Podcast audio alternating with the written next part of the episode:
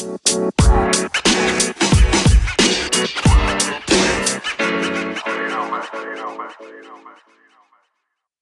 hai, welcome back to Talk More, Film More. Malam ini kita akan ngomongin kalau seandainya kebobolan harus apa.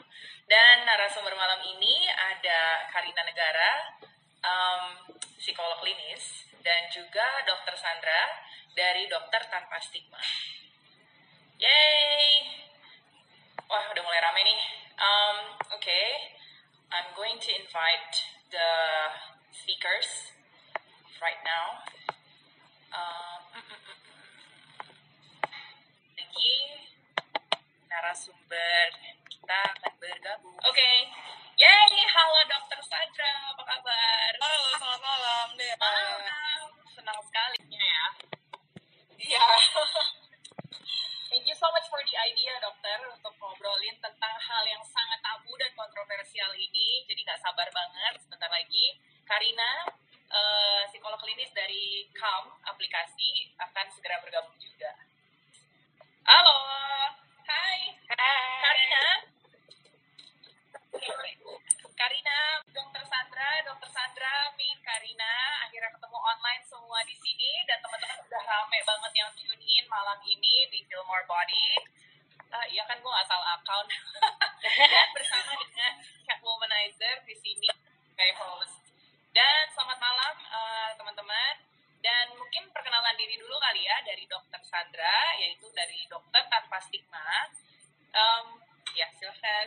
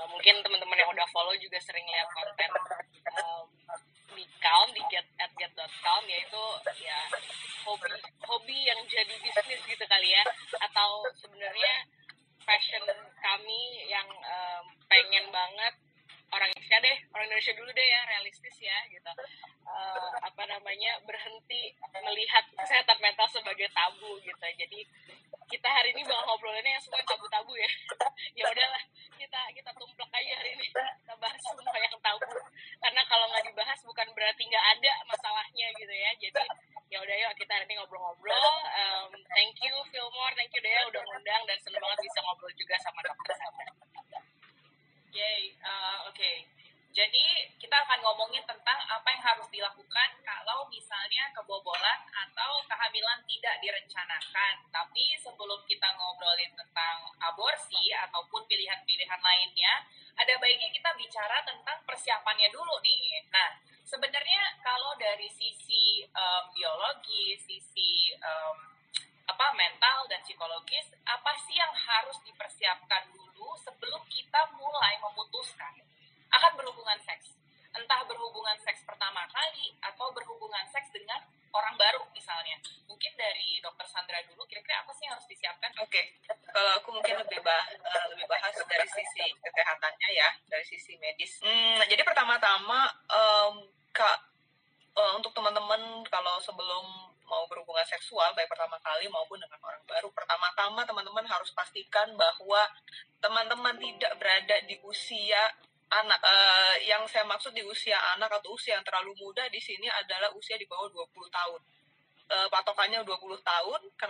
Karena di bawah 20 tahun itu uh, tubuh kita belum berkembang secara sempurna dan maksimal. Mulai dari kestabilan hormonnya, mulai dari perkembangan organ reproduksinya, uh, lebarnya panggul gitu ya, terus termasuk juga kematangan otaknya untuk berpikir tentang uh, apa logical thinkingnya, moral judgmentnya itu itu baru benar-benar bisa matang paling tidak di usia 20 tahun. Jadi di bawah usia itu sangat tidak uh, dianjurkan untuk sudah aktif berhubungan seksual ya. Uh, karena banyak uh, banyak sekali resikonya kalau uh, sudah memulai hubungan seksual di usia yang terlalu muda bukan hanya soal uh, resiko kalau uh, ham, hamil nanti misalnya ya, uh, juga resiko-resiko infeksi menular seksual. Orang-orang uh, yang jauh lebih awal memulai hubungan seksualnya, dia uh, lebih rentan untuk terkena kanker serviks lah, terkena IMS yang lainnya. Itu yang pertama. Lalu yang kedua, pastikan teman-teman berada dalam kondisi sadar penuh. Sadar penuh itu artinya tahu dengan siapa mau berhubungan seksualnya, kapan, di mana, terus uh, tidak berada di bawah pengaruh obat-obatan maupun alkohol ya. Karena kalau di bawah uh, under influence seperti itu kan ya nggak bisa berpikir secara secara uh, logis gitu kan. Dan juga itu yang kedua. Ya. Nah, harus tanpa pasti itu harus tanpa paksaan. Harus benar-benar teman-teman sadari apa yang mau teman-teman lakukan ini, kegiatan ini, aktivitas seksualnya. Lalu yang ketiga adalah pastikan teman-teman tahu resikonya apa saja. Di uh, kesehatan uh, untuk aktivitas seksual itu resikonya paling tidak ada tiga, kehamilan yang tidak direncanakan, infeksi menular seksual, dan hubungan yang toksik atau uh, kekerasan. Itu. Jadi teman-teman harus pikirkan ketiga resiko itu. Teman-teman apa bersedia nggak? Bersedia nggak menerima resiko itu satu? Kalau oke, okay, misalkan uh, ya nggak apa-apa deh tapi kita harus ada usahanya dong untuk berusaha mengurangi atau meminimalisir resiko-resiko tersebut.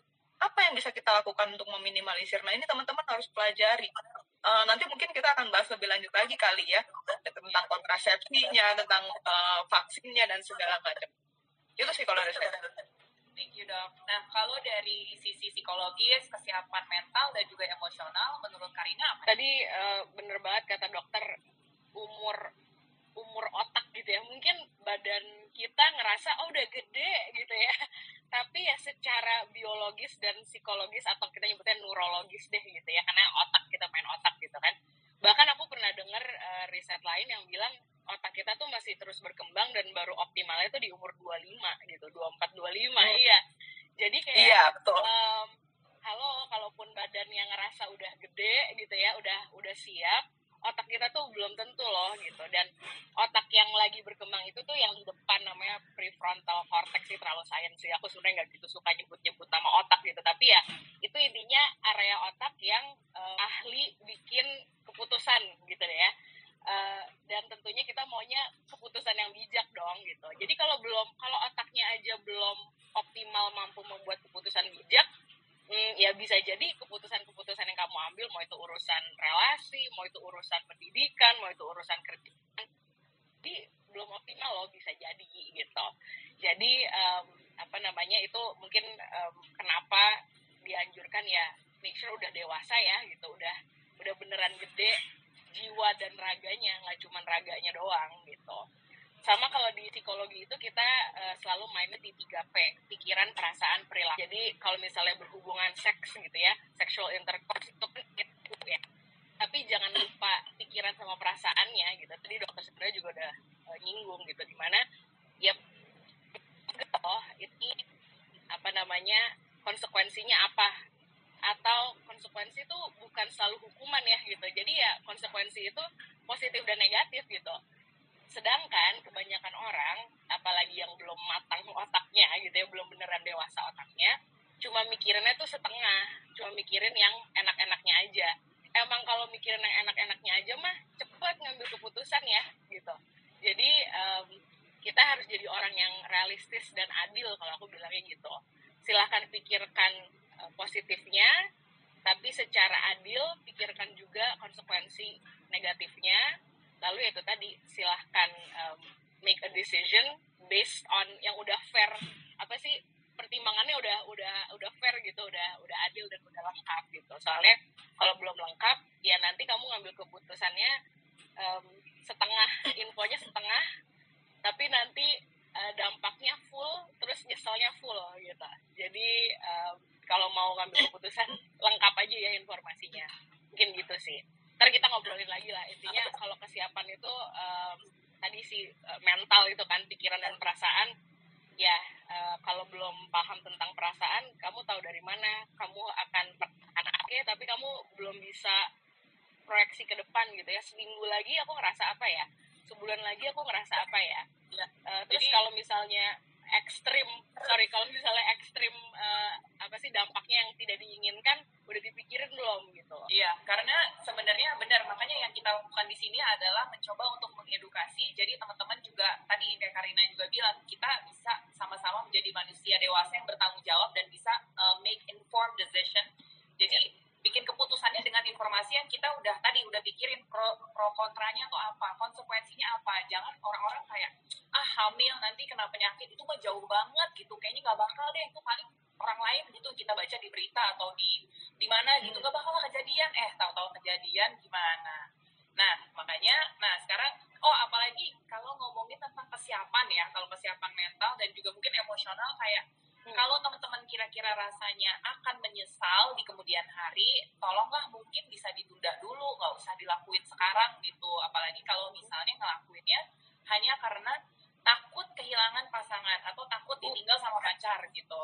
Wah, aduh, kalau ngelakuinnya karena kalau berhubungan seks karena takut ditinggal pacar, ya kebayang nggak tuh udah gimana gimana tuh apalagi kalau ya. akhirnya nanti udah udah berhubungan ditinggal eh diputusin wah Abis itu Tadi ya, curhat ke DM yang iya, influencer kan? Nah iya bener banget. Selain um, apa sih mikir secara logis, boleh juga lo pakai perasaan gitu ya.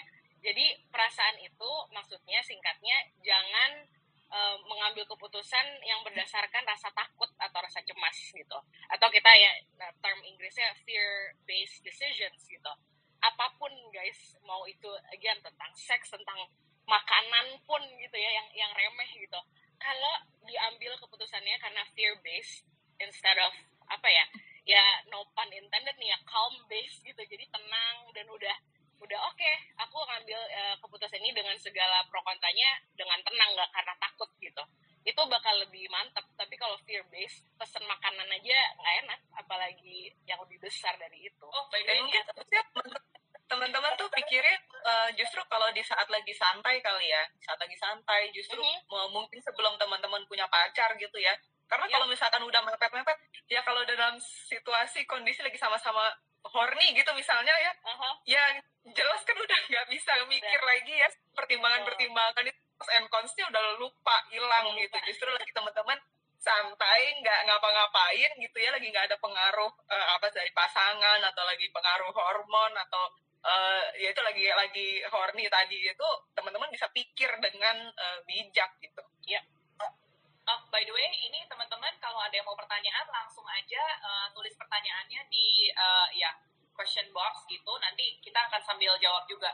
Oh, by the way, gue mau nanya deh ke dokter sama ke Karina. Kalau kalian dengar term free sex itu apa sih tanggapan kalian? Gue pengen tahu deh. Karena orang-orang tuh semua, eh, ini edukasi apaan sih untuk mendukung free sex apa segala macam.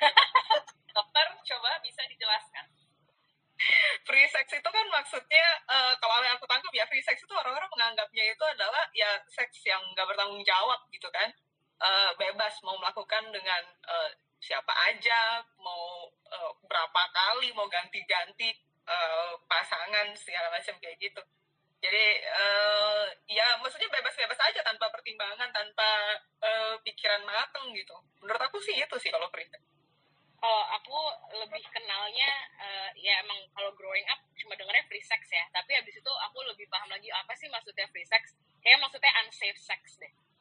Jadi uh, yang yang sekarang aku pahami um, yang dikonotasikan negatif dari dari term free sex itu adalah maksudnya unsafe sex gitu. Itu yang ditakutin gitu. Sama kalau dulu waktu itu yang dulu uh, dipahami tapi ya again semua orang mungkin uh, tiap orang punya pemahaman beda-beda tentang free sex tapi kalau aku yang perlu kita uh, hati-hatikan itu unsafe sex gitu jangan sampai um, have that gitu kalau sama-sama ingin dan sama-sama mau Hmm. silahkan ya sah-sah Iya. aja gitu tapi kalaupun sama-sama mau tapi unsafe ya jangan. Tapi sebenarnya ya justru orang-orang tuh pakai term free sex itu untuk menggantikan kata premarital sex sebenarnya. oh betul. Iya, benar iya juga. iya Termnya salah sih. Karena emang Iya. kalau melakukan seks itu harus free sih, nggak boleh dipaksa juga sih. Nah, Benar.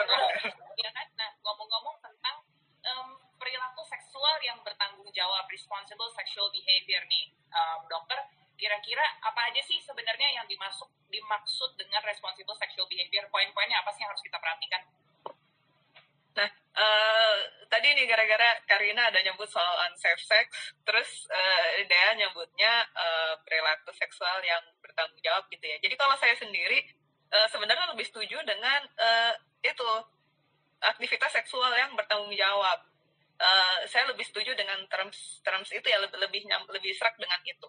Karena eh, sebenarnya pada dasarnya kan tidak ada aktivitas seksual yang benar-benar safe. Tidak ada yang 100% safe gitu. Semua itu pasti ada resikonya. Even yang yang resikonya sangat minimal seperti masturbasi pun ada resikonya gitu kan. Misalkan eh, kita nggak jaga kebersihan, kita masturbasi eh, tidak cuci tangan dulu, atau kita menggunakan alat-alat yang kotor tidak dibersihkan itu kan juga pasti ada pasti ada resikonya. Jadi saya lebih setuju dengan eh, terms aktivitas seksual yang eh, bertanggung jawab. Nah, eh, tadi sekalian melanjutkan pertanyaan yang pertama tadi, em, self- eh, apa aktivitas seksual yang bertanggung jawab adalah ketika kita eh, benar-benar tahu apa yang kita lakukan. Mulai dari itu tadi kita mau melakukannya dengan siapa, kapan, di mana, dengan cara apa, dan terutama resiko-resikonya. Karena kalau kalau eh, apa dari sisi kesehatan kan resiko-resiko ini loh yang teman-teman harus tahu, teman-teman harus pahami dan tahu juga gimana cara meminimalisir dan memitigasinya seandainya resiko ini terjadi, gitu kan? Eh, tadi aku udah sempat nyebut ada eh, tiga utamanya resiko yang teman-teman harus pikirin, yaitu pertama kehamilan yang tidak direncanakan. Salah satu eh, cara untuk mencegah kehamilan tidak direncanakan ini pastinya dengan kontrasepsi. Teman itu pilihannya banyak banget teman-teman. Eh, nanti mungkin eh, aku akan jelasin lebih lanjut soal kontrasepsi Eh, Eh, supaya untuk di brief aja poin-poinnya kira-kira kontrasepsinya ada metodenya apa aja sih? Oh, oke.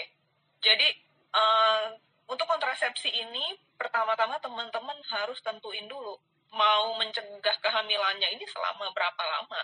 Tujuannya selama berapa lama. Jadi, pilihannya itu ada yang jangka pendek, ada yang jangka menengah, jangka panjang. Jangka pendek itu misalnya yang hormonal ya, KB, eh, suntik KB. Yang jangka menengah bisa dengan implan. eh, terus yang jangka panjang bisa dengan IUD. Eh, atau ada pilihan lain juga kondom. Nah, ini teman-teman harus eh, lihat kondisinya di lapangan ya, karena untuk pem- pembelian eh, kontrasepsi ini sebenarnya agak-agak tricky juga kalau misalkan di Indonesia, terutama untuk perempuan yang belum menikah, karena masih eh, banyak em, apa fasilitas kesehatan, tenaga medisnya juga yang memang tidak eh, memberikan akses kontrasepsi pada perempuan yang belum menikah. Jadi kalau saya ada sebenarnya ada, cuma kan nyarinya agak-agak eh, PR gitu. Eh, sebenarnya yang paling gampang kalau teman-teman mendapatkan itu kondom karena ya kan boleh beli aja langsung di di supermarket gitu kan itu dengan eh, kontrasepsi. Lalu eh, resiko yang kedua yang teman-teman harus pikirkan adalah infeksi menular seksual. Nah ini juga PR lagi karena infeksi menular seksual itu banyak sekali jenisnya teman-teman mulai dari gonore, sifilis, eh, kandidiasis, klamidia sampai yang eh, apa kanker serviks gitu ya akibat dari eh, HPV. Nah untuk pencegahan infeksi menular seksual ini eh, bisa dengan kondom, bisa dengan vaksin ya vaksin itu vaksin HPV, vaksin hepatitis B, terus eh, atau untuk yang HIV selain kondom juga ada eh, obat-obatan eh, PRIP. Kalau sudah ada eh, udah mulai aksesnya banyak nanti ya. Ini ini eh, apa teman-teman harus harus eh, pelajari gitu karena memang karena memang banyak macamnya. Lalu yang ketiga adalah itu tadi uh, resiko terjebak di dalam hubungan yang tidak sehat yang abusive, yang uh, penuh kekerasan, yang sangat bisa dimulai dari ajakan-ajakan untuk berhubungan seksual yang mungkin awal-awalnya nggak kelihatan seperti uh, pemaksaan gitu ya, tapi bujukan-bujukan manipulatif gitu ya, rayuan-rayuan atau kalian dibelikan apa iming-iming dan segala macam, ya pada akhirnya bisa uh, mengarah pada hubungan yang akhirnya kalian sulit keluar dari hubungan itu gitu. Jadi uh, ini tiga hal yang bukan hal sederhana teman-teman karena uh, begitu kalian uh, apa terkena resiko ini, ini mungkin bisa sangat mempengaruhi jalan hidup kalian gitu. Hmm. Jadi kalian harus benar-benar pikirkan, benar-benar pikirkan uh, banget-banget baca, pelajari. Kalau nggak tahu tanya sama ahlinya gitu ya, uh, supaya benar-benar bisa diminimalisir uh, resiko-resiko seperti ini apalagi kalau misalnya senangnya cuma dua menit gitu ya tapi yang namanya kalau ah, itu anak nggak bisa dibalikin gitu ya kalau udah dilahirin terus iya. gitu kalau misalnya kena infeksi menular seksual oke okay, ada yang bisa sembuh ada yang kalau uh, apa bisa ke bawah sampai panjang bisa jadi kanker dan panjang urusannya apalagi kalau misalnya ada sampai terjebak di toxic relationship yang ada duitnya habis buat terapi gitu kan nah hmm, ngomong-ngomong nih dokter udah poin-poinnya bagus banget nah gue pengen nanya Karina nih kira-kira apa sih yang harus kita hmm. lakukan kalau misalnya pasangan kayaknya mulai maksa nih untuk berhubungan seksual padahal kitanya belum siap atau belum mau.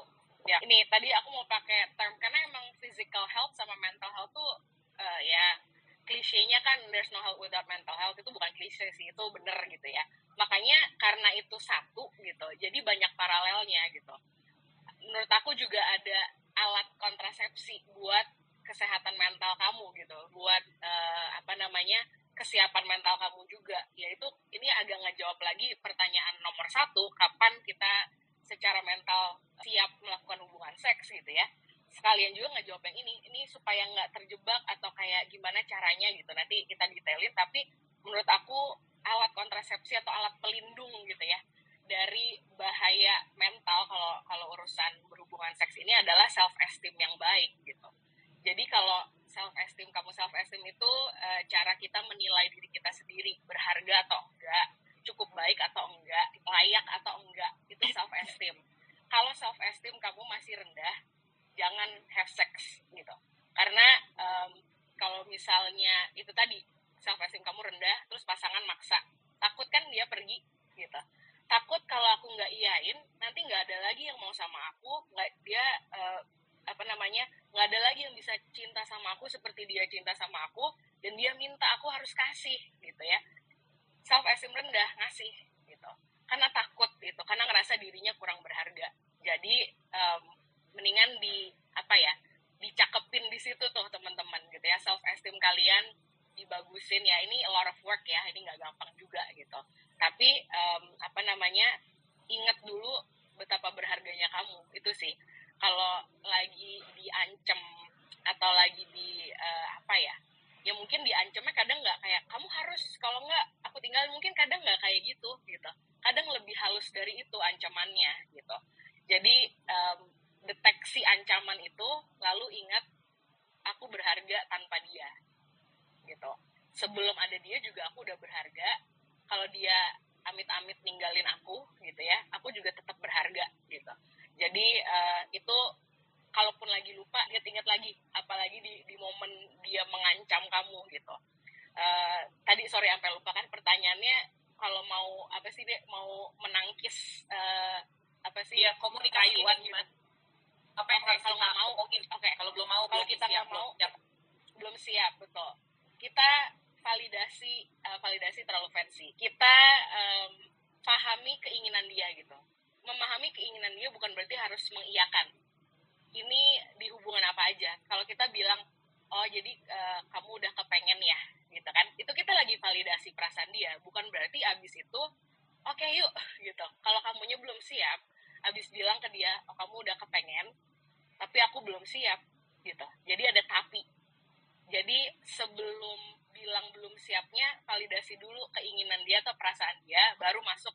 Tapi aku sendiri belum siap nih soalnya bla bla bla bla bla bla.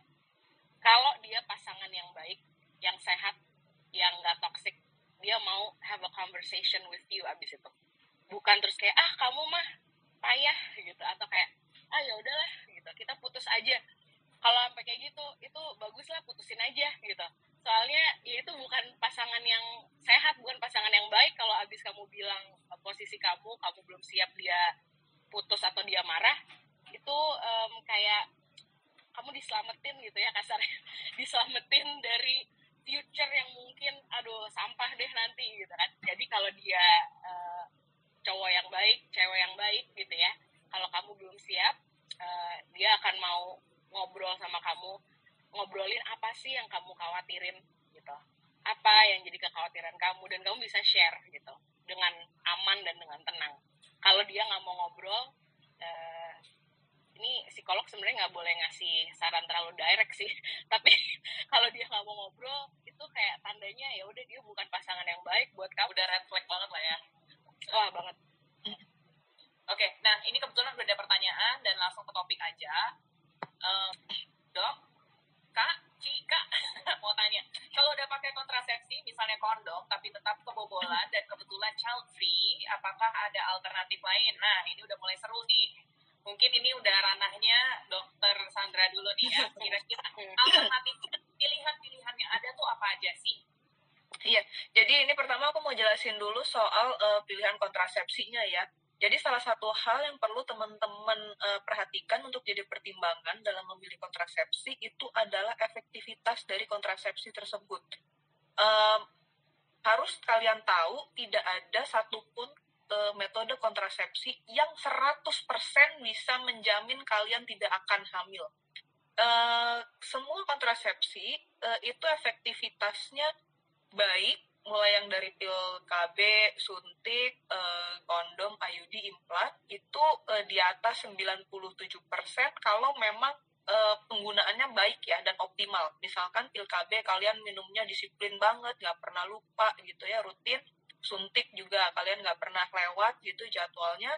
Um, apa kondom juga penggunaannya kalian uh, baik gitu ya, uh, memastikan dia nggak bocor dan segala macam uh, itu efektivitasnya bagus. Tetapi ada juga seperti metode misalnya dengan metode kalender, dengan metode coitus interruptus gitu ya, itu efektivitasnya rendah. Itu hanya di bawah uh, 75% gitu. Cuma memang itu simpel banget, nggak keluar biaya gitu kan. Jadi itu yang termasuk salah satu yang harus teman-teman uh, pikirkan. Nah, uh, ini bagus karena memilih kontrasepsinya uh, kondom itu uh, yang efektivitasnya termasuk baik tapi uh, tetap ada 2-3 persen lah uh, kemungkinan untuk bisa kebobolan. Nah, uh, sebenarnya kalau terjadi kehamilan yang tidak direncanakan, idealnya ada tiga pilihan yang teman-teman bisa uh, lakukan.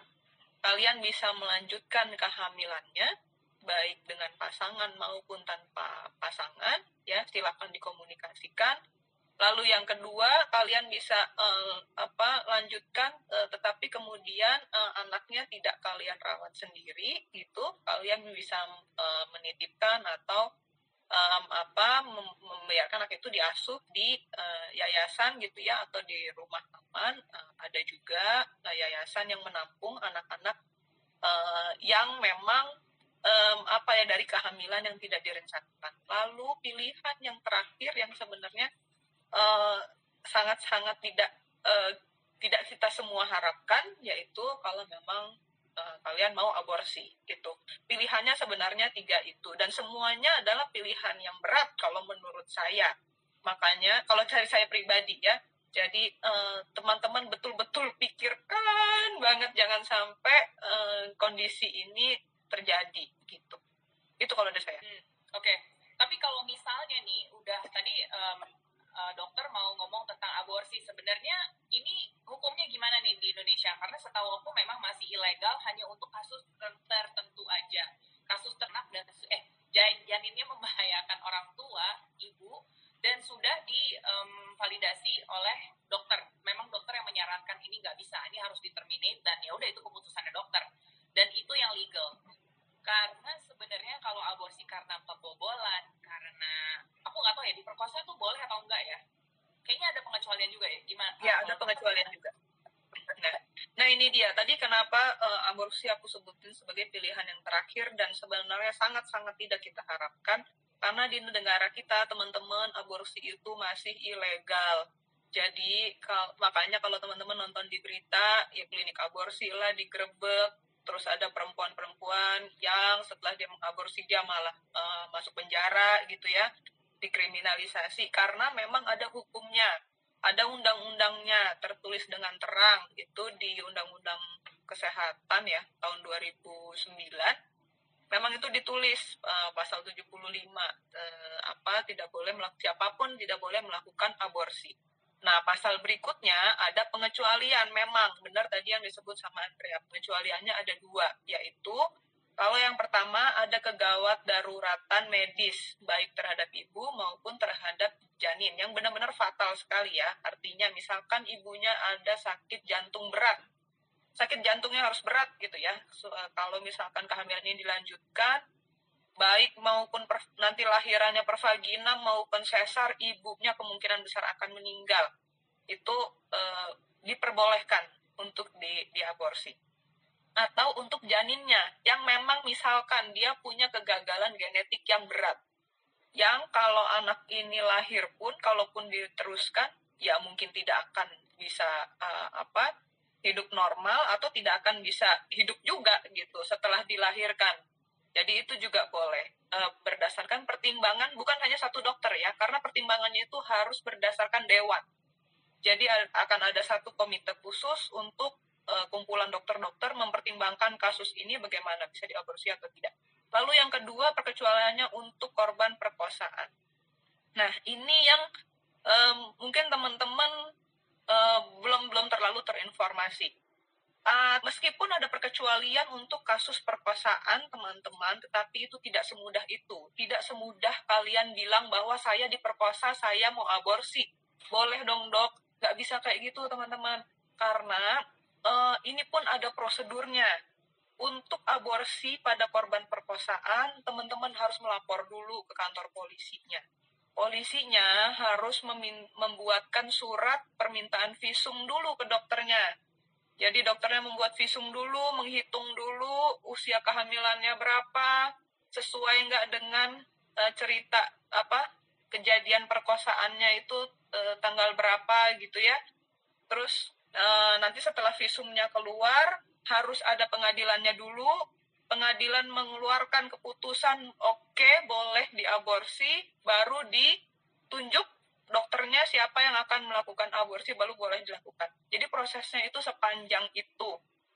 Tidak semata-mata dari keterangan kalian aja. Saya diperkosa uh, saya nggak mau uh, janin ini tolong di, di aborsi nggak bisa. Ada proses yang sepanjang itu.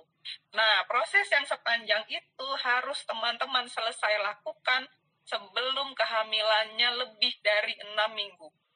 Jadi itu ada tertulis di pasalnya.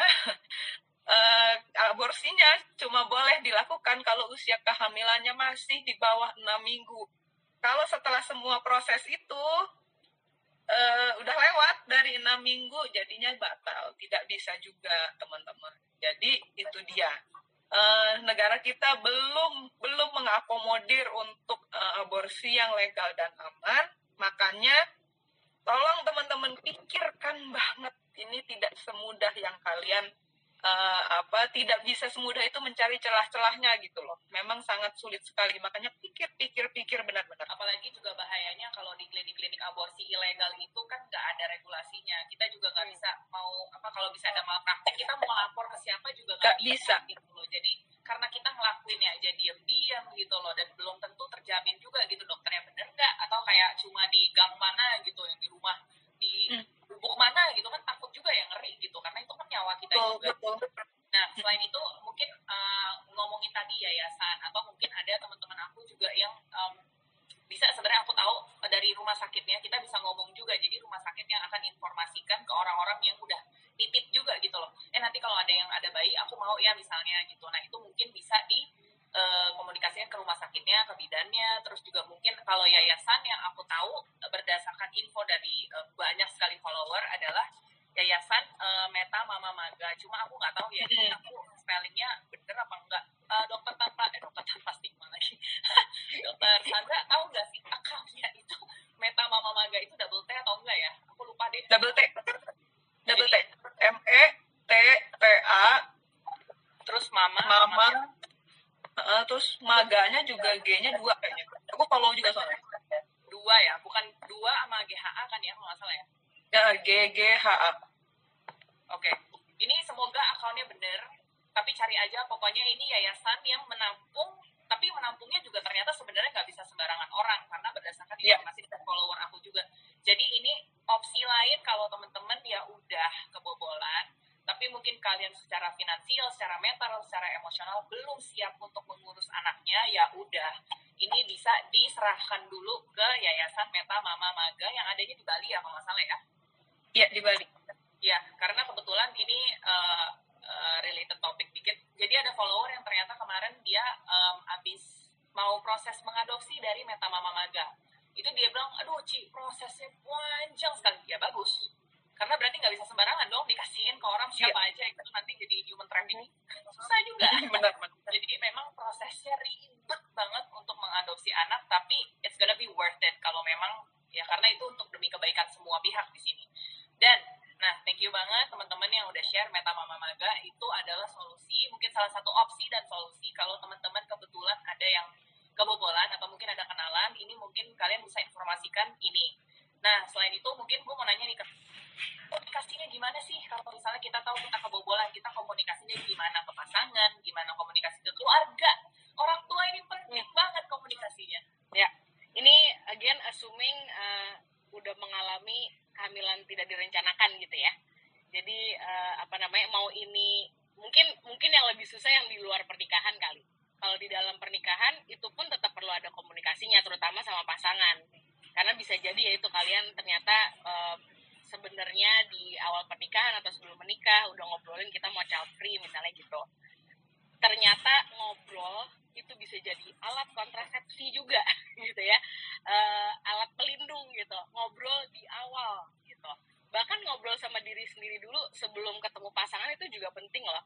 Jadi tahu kamu sendiri itu values-nya apa kepengennya apa nggak kepengennya apa jadinya begitu ketemu pasangan gampang. Bukan kayak oh aku nggak tahu gitu.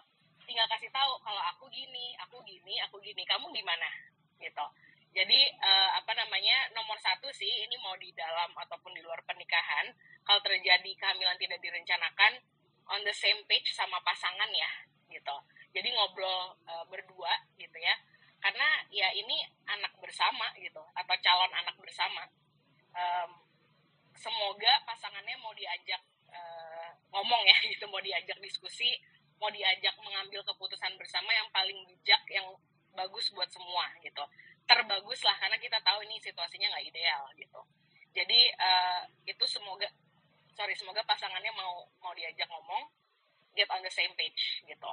Eh, be honest mungkin tipsnya itu. Karena kalau nggak jujur apa yang kamu mau dan nggak mau nanti kayak bawa beban gitu loh sampai sampai akhir gitu. Akhir tuh whatever akhir means. Bisa akhir kehamilan bisa akhir hubungan bisa akhir hidupmu juga lebaynya gitu ya di seumur hidup kamu gitu. Jadi mendingan eh, jujur dari awal yang kamu mau apa nggak mau apa. Kalau amit-amit pasangan kamu nggak mau em, apa ya nggak mau mengambil keputusan ini bersama dengan kamu dia cabut aja gitu ini berarti eh, assuming karena yang bisa hamil hanya perempuan jadi ini eh, nggak nggak bermasuk seksis tapi karena yang hamil perempuan ini pasangan satunya gitu ya. Eh, yang yang apa namanya laki-lakinya gitu. Kalau dia nggak mau ikutan for whatever reason um, it's not the end of the road for you kok gitu. Bukan berarti hidup kamu berakhir di situ. Rasanya in the moment mungkin. Rasanya dunia kamu hancur gitu tapi kenyataannya enggak karena kamu masih punya banyak orang yang sayang sama kamu yang mau nemenin kamu. Reach out to them. Baik itu sahabat keluarga siapa pun yang kamu ngerasa aman nyaman Eh, semoga orang ini mau mendampingi aku karena em, si pasangan aku udah jadi ex pasangan ya nggak mau mendampingi aku gitu. Jadi em, apa namanya reach out ke orang yang kamu sayang dan sayang kamu. Yang paling susah emang kalau di Indonesia mungkin ya terutama ya Eh, tadi dia nyebut nih ngomong ke orang tua gimana nih gitu. Em, perlu teman-teman tahu dulu bahwa ketika anak ya anak udah dewasa nih gitu. Atau bahkan ya kadang ada aja anak remaja ya gitu. Ketika anak hamil di luar nikah yang hidupnya berubah itu nggak cuman anak ini tapi orang tua dia juga gitu. Jadi teman-teman bayangin dulu si anak ini jika itu kamu ataupun orang lain iya hidup dia akan sangat berubah tapi hidup orang tuanya juga akan berubah. Jadi uh, bukannya gimana ya uh, bukan harus diterima selamanya tapi kalau orang tua marah gitu ya di depan itu wajarnya luar biasa gitu. Karena mereka bukan hanya kecewa sama kamu mereka juga kecewa sama dirinya sendiri. Teman-teman harus tahu itu. Mereka kecewa bahwa mereka adalah uh, bisa jadi entah mereka ngomong langsung entah mereka dalam hati mereka merasa gagal sebagai orang tua yang melindungi anak membesarkan anak gitu. Kayak kok jadi bisa dengan anak sendiri? Uh, uh, atau iya. kok nggak bisa ke anak dengan benar misalnya mm -hmm. gitu ya? Iya jadi kalau mereka marah just so you know mereka nggak cuma marah sama si anaknya loh mereka juga marah sama diri mereka sendiri. Jadi give them some time um, empathize juga sama si orang tua ini. Baru kalau udah sedikit lebih tenang um, bilang kamu maunya apa kalau kamu udah tahu mau kamu apa. Tapi kalau kamu belum tahu mau kamu apa ya mereka jadi uh, teman diskusi ya. Orang tua keluarga jadi teman diskusi. Jadi yang terbaik apa nih buat aku gitu. Buat aku dan uh, janinku ini gitu. Entah itu dilanjutkan atau apa pun ya itu keputusannya aku sih tipsnya jangan ambil sendiri ya. Again ideally ada pasangan yang dewasa juga yang akan berdiskusi sama kamu tapi kalau nggak ada pasangan dan talk to someone or a few people bahkan nggak apa-apa gitu menurut aku again yang kamu percaya dan sayang sama kamu untuk mengambil keputusan um, inform tadi inform decision tuh penting banget deh gitu. Karena hamil itu susah ngelahirin itu susah aborsi juga susah gitu. Jadi you have to pick your battle gitu. Pick your heart gitu.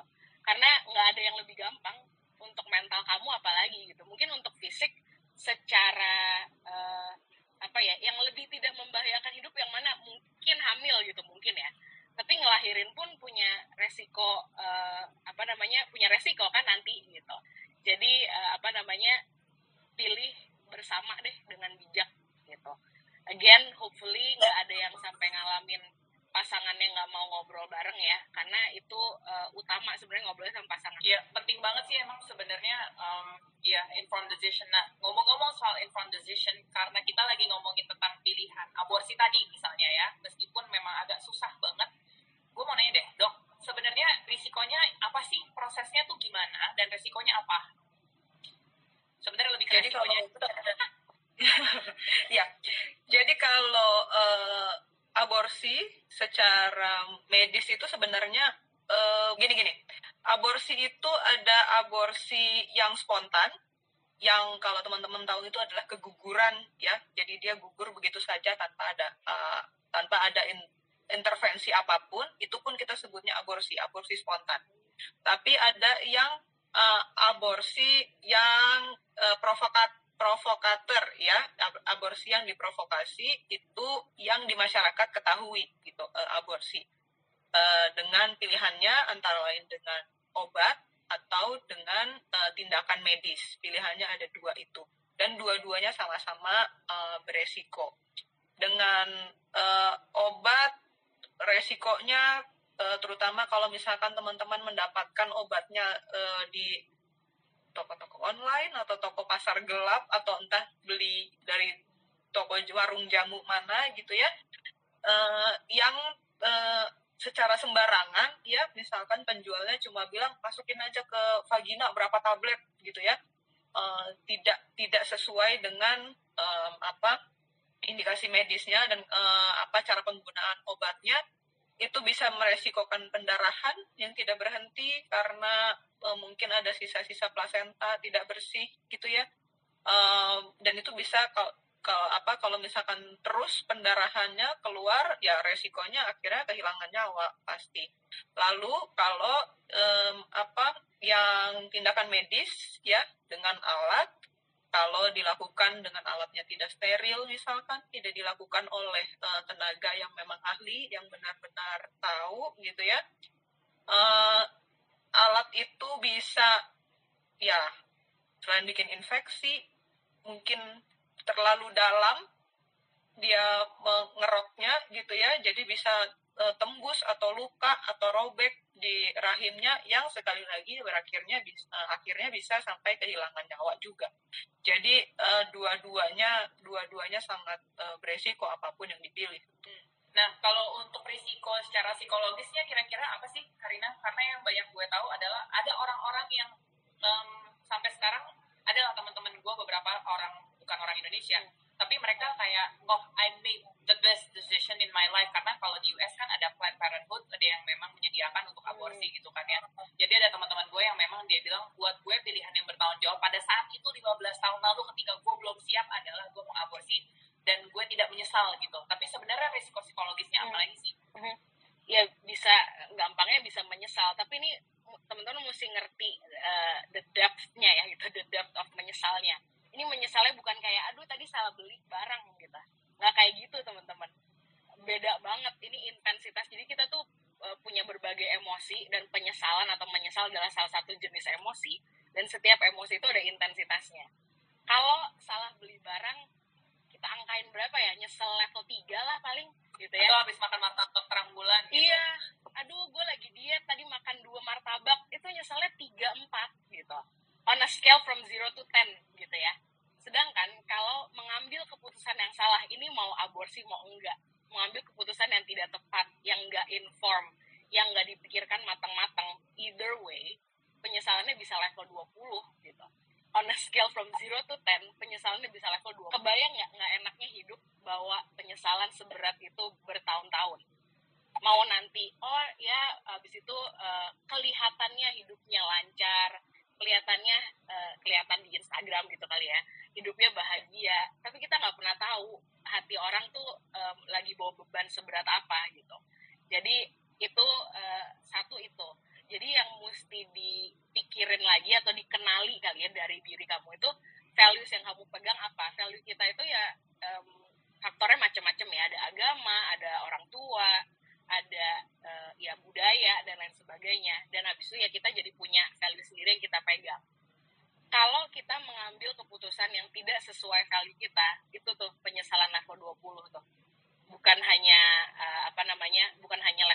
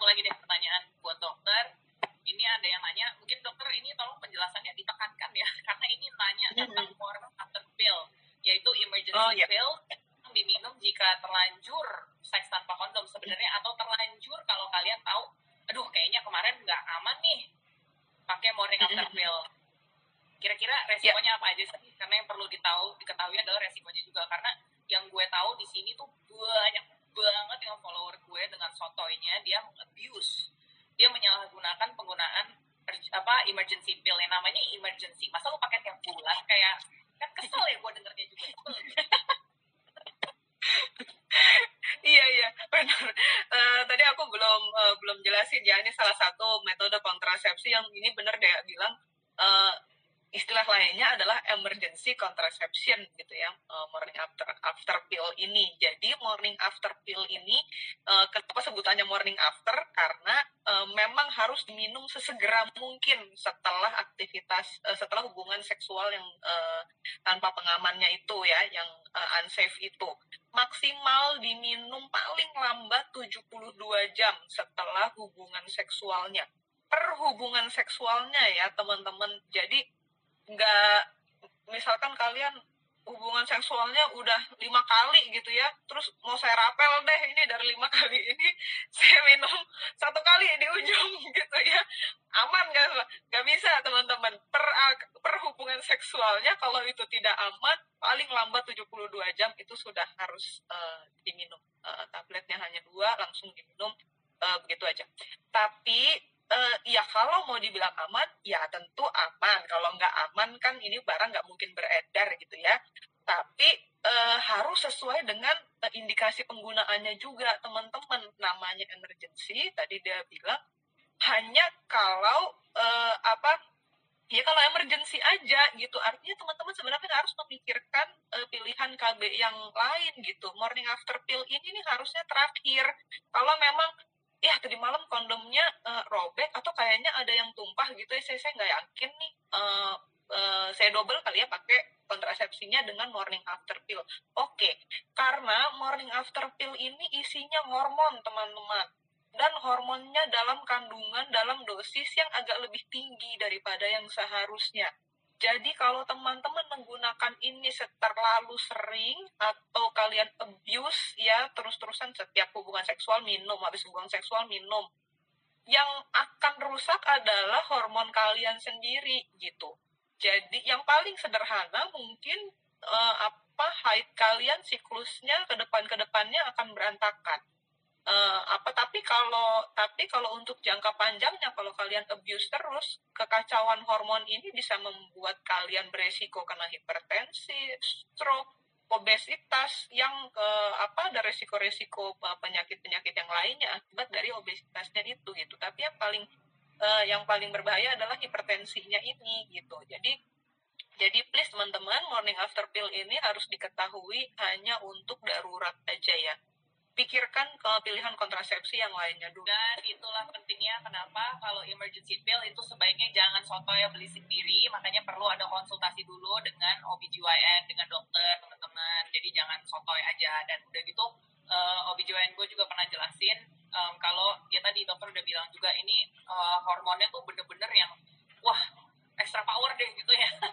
Dan tadi setelah 3 kali 24 jam aja itu udah maksimal dan tiap hari itu katanya sih kata dokter aku berkurang efektif efektivitasnya juga gitu. Dan kemudian yang perlu diingat adalah hmm, kalau dokter aku sih bilang dia bilang ya kalau namanya emergency ya paling dijeda juga sih kayak enam bulan sekali atau setahun cuma dua kali jangan tiap bulan juga gitu loh. Kalau Kalau- nggak emergency dong gitu. iya kalau tiap bulan kalian gitu Insya Allah. gimana? Ya gitu deh. Nah udah ternyata tidak terasa sudah satu jam kita ngobrol-ngobrol. Semoga teman-teman dapat uh, bisa membawa pelajaran baru malam ini dan akan di save juga. Jadi abis ini kita harus proses bentar. Oke. Okay. ya udah kita senyum-senyum dulu mungkin biar abis ini. Oke. Okay. thank you so much dokter Sandra dan juga Karina. Uh, sama-sama kehadirannya juga.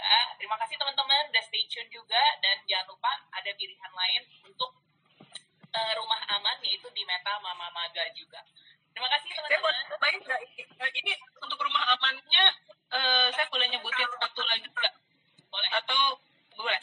Uh, kalau Meta Mama Maga kan di Bali ya di Denpasar, ada juga yang di Bandung yang saya tahu itu namanya rumah rup. Boleh di. Ada Instagramnya juga uh, Instagramnya aku nggak yakin aku lupa tapi uh, namanya ini.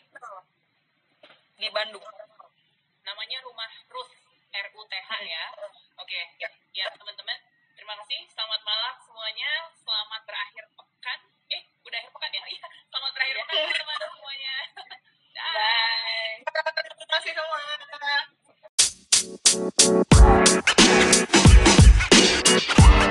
Thank you. Barcelona.